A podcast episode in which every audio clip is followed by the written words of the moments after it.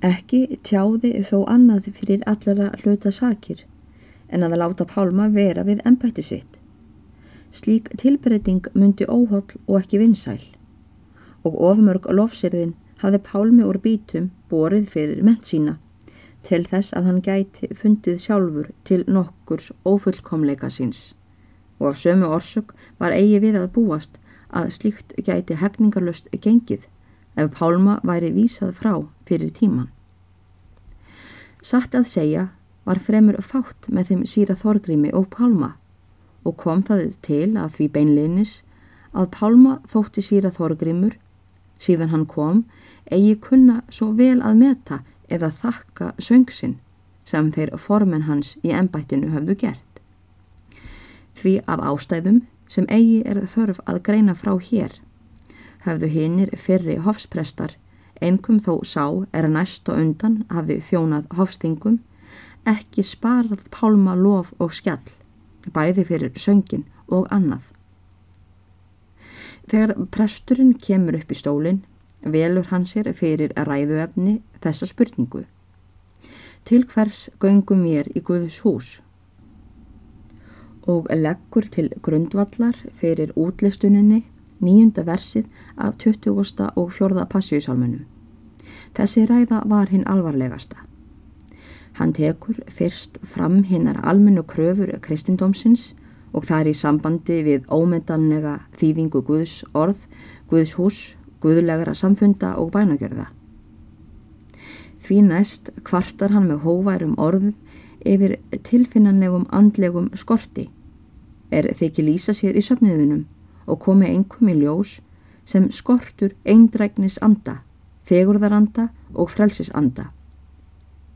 Þennan skort ímislegrar andagiftar telur hann eiga rót sína í öðrum djúpsettari skorti, þar sem æskulíðin bresti, nöðsynlegan aga og fræðslu og almenningsskorti bænaranda og geti það reyndar verið eftir atvikum ósjálfrátt að nokkru leiti innum einstöku mönnum, en þó ætið meðfram sjálfrátt.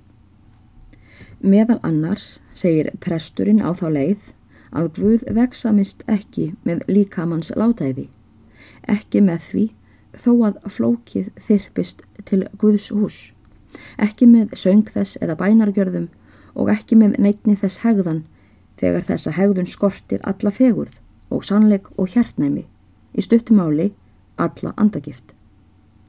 Og getur presturinn þessum leið að hegómaskapurinn hafi jafnvel tróðið sér inn í Guðs hús og sé orðin þar að drottnandi venju sem drægi kraftin og kjarnan úr henni ofinberu guðstyrkun, svo að við sjálft liggi að hún verði söfniðunum gagslaus.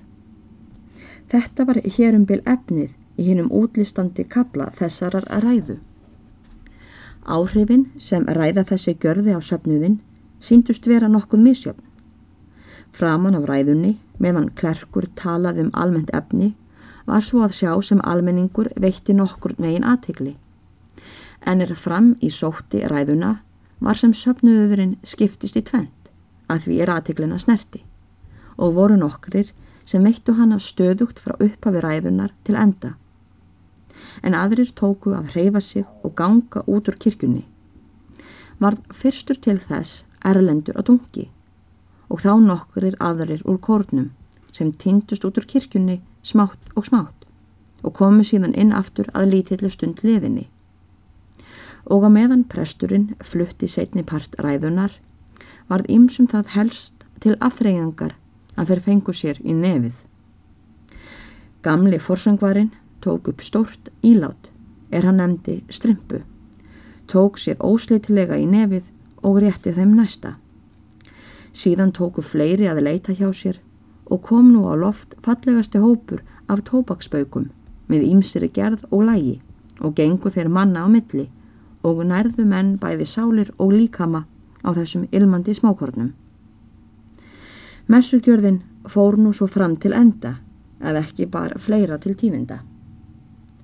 Ekki vænti ég þú helgi minn og bergi hafið orðið var við ljósurött meri trippi þarna framhjá ykkur í haust. Hóf Pálmi forsöngvari máls frá sæti sínu eftir það er búið var að klikja út og beindi spurningunni að manni er satt skamt frá honum í kórnum að norðanverðu. Jú heldur en ekki lagsmaður, svaraði Helgi. Það hefur gert óskunda hjá mér, bæði á húsum og túnni og vildi ég byggði ég þig að senda eftir því sem fyrst. Óskunda, trippið, segir Pálmi með undrun. Já, óskunda, segi ég þér og sný ekki aftur með það. Ég segi ekki þar fyrir að trippið frá þér lagsmaður hafið verið eitt í leik. Nei, það er mesti sægur sem alltaf gengur upp á okkur og flest ofan af dalnum. Það lítur út fyrir að sumir á breyðdal kæri sig lítið um þó að stóð þeirra gangi öðrum tilbaka. Við förum nú að senda fram eftir lagsmaður, segir Pálmi um leið og hann stóð upp, tók hatt sinn og gekk fram kirkugólfið.